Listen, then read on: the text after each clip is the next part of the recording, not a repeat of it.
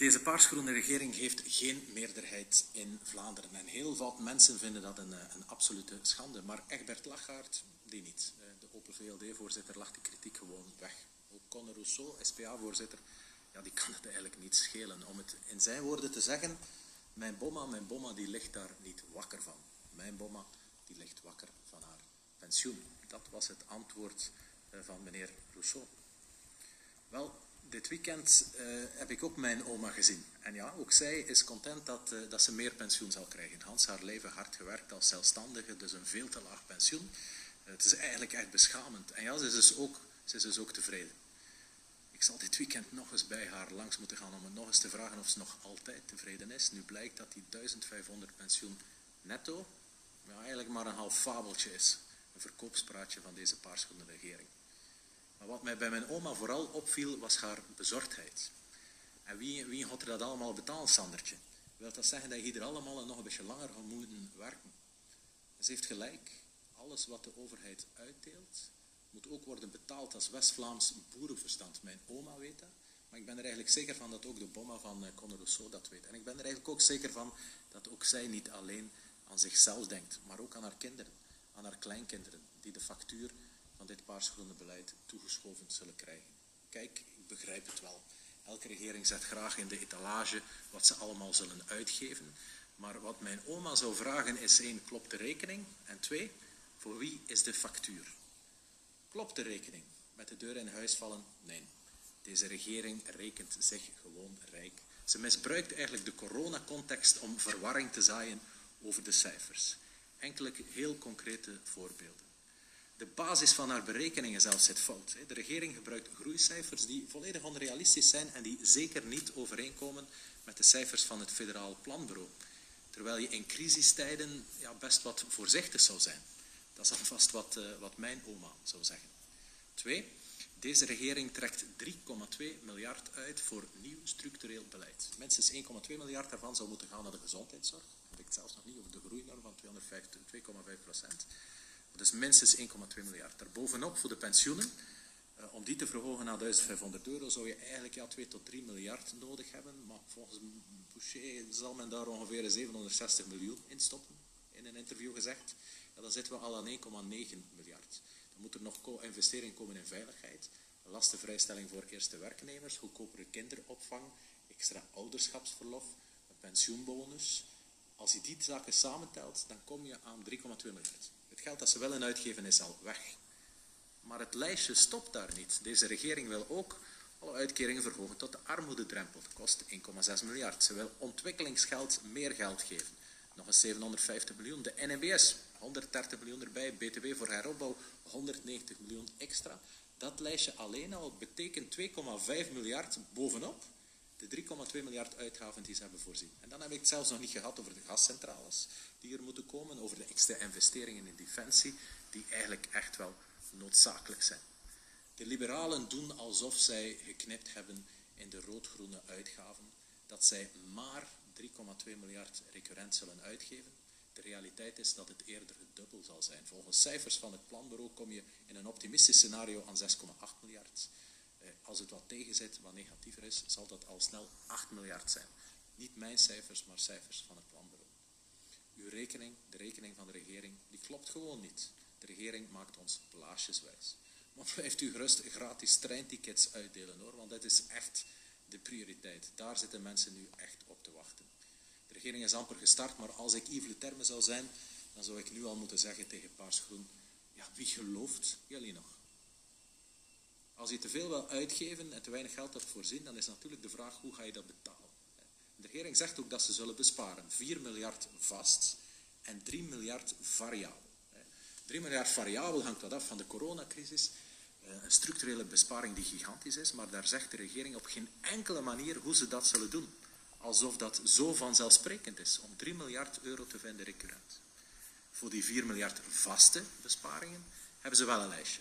Maar opnieuw, de cijfers kloppen niet. De regering rekent zich gewoon rijk. Een aantal voorbeelden. 1 miljard voor sociale en fiscale fraude, dat zullen ze binnentrekken.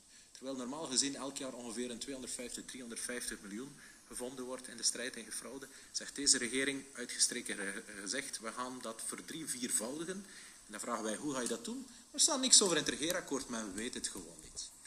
Uh, ze denken ook dat ze 400 miljoen zullen vinden, omdat meer mensen gaan werken. Maar hoe ze dat gaan bereiken, ook daar opnieuw, de regering bevat geen enkele serieuze maatregel. Werkloosheid beperken in de tijd? Mag niet.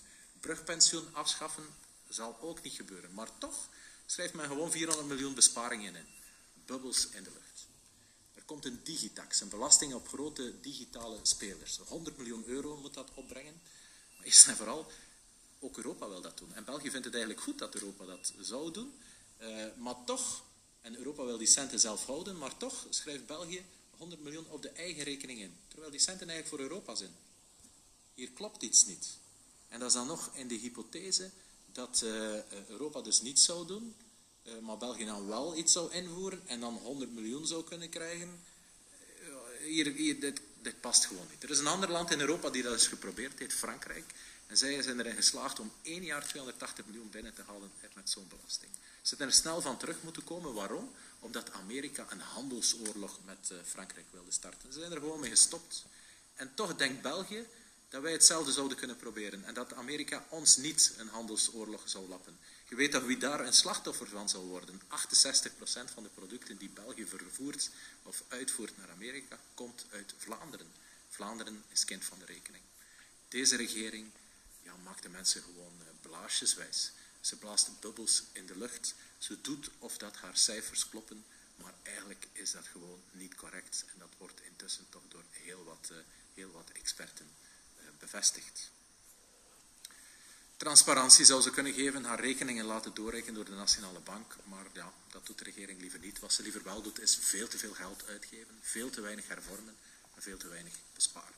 En dan is er een factuur. En dan heb je de vraag, wie zal die factuur betalen? Je zou drie dingen kunnen doen. Je zou eindelijk die zeer grondige stap kunnen zetten naar het confederalisme, meer verantwoordelijkheid in het systeem en de rekeningen echt op orde zetten. Maar dat wil de regering niet doen. Als ze dat niet kan doen, dan gaan ze twee andere dingen doen. Niks. Ze kan niets doen, waardoor er uh, extra staatsschuld komt. Of ze zou wel iets kunnen doen. Ze zou de belastingen kunnen verhogen. Wat zegt het regeerakkoord daarover? Enerzijds, zegt het regeerakkoord, worden er geen nieuwe belastingen ingevoerd. Maar anderzijds gaan we wel nieuwe belastingen invoeren. Uh, in het kader van budgettaire discussies. De CD&V kan vier zijn. Enerzijds de liberale content en anderzijds de socialisten ook. Maar wat is de realiteit? Wie heeft het best van al eh, onderhandeld? Dat zijn natuurlijk de socialisten, want het regeerakkoord zegt zwart op wit dat bij elke begrotingsoefening er een verdeelsleutel zal gehanteerd worden. Een derde besparingen, een derde nieuwe belastingen en een derde diverse maatregelen, ja, wat eigenlijk ook meestal uh, nieuwe belastingen zijn.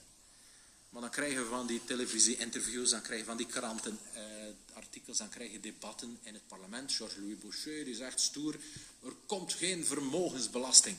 En dan heb je de PS'ers en de ecoloogers, Magnet en Gilles Quinet, die lachen hem gewoon uit, want zij weten wel beter. Trouwens, Vincent van Quickenborn in Ter heeft deze week ook bevestigd dat er een extra belasting op vermogen zal komen. Dat was ook duidelijk in het parlementaire debat dat hier komt. Het zal snel zijn dat die wordt ingevoerd. Dit alles doet mij terugdenken aan de, aan de regering Di Rupo. Ook toen beweerden de liberalen dat dat wel mee zou vallen met die extra belastingen. En we hebben het tegenovergestelde gezien. De linkse partijen die hebben vandaag hun trofeeën op zak. De liberale partijen, ja, die zijn geplooid. Tegenover zo'n vermogensbelasting zou er eigenlijk een serieuze lastenverlaging moeten staan voor mensen die ondernemen, die hard werken. Maar die belastingsverlaging die komt er niet. Open VLD gaf de trofeeën aan links, maar haalde geen enkele noemenswaardige lastenverlaging binnen.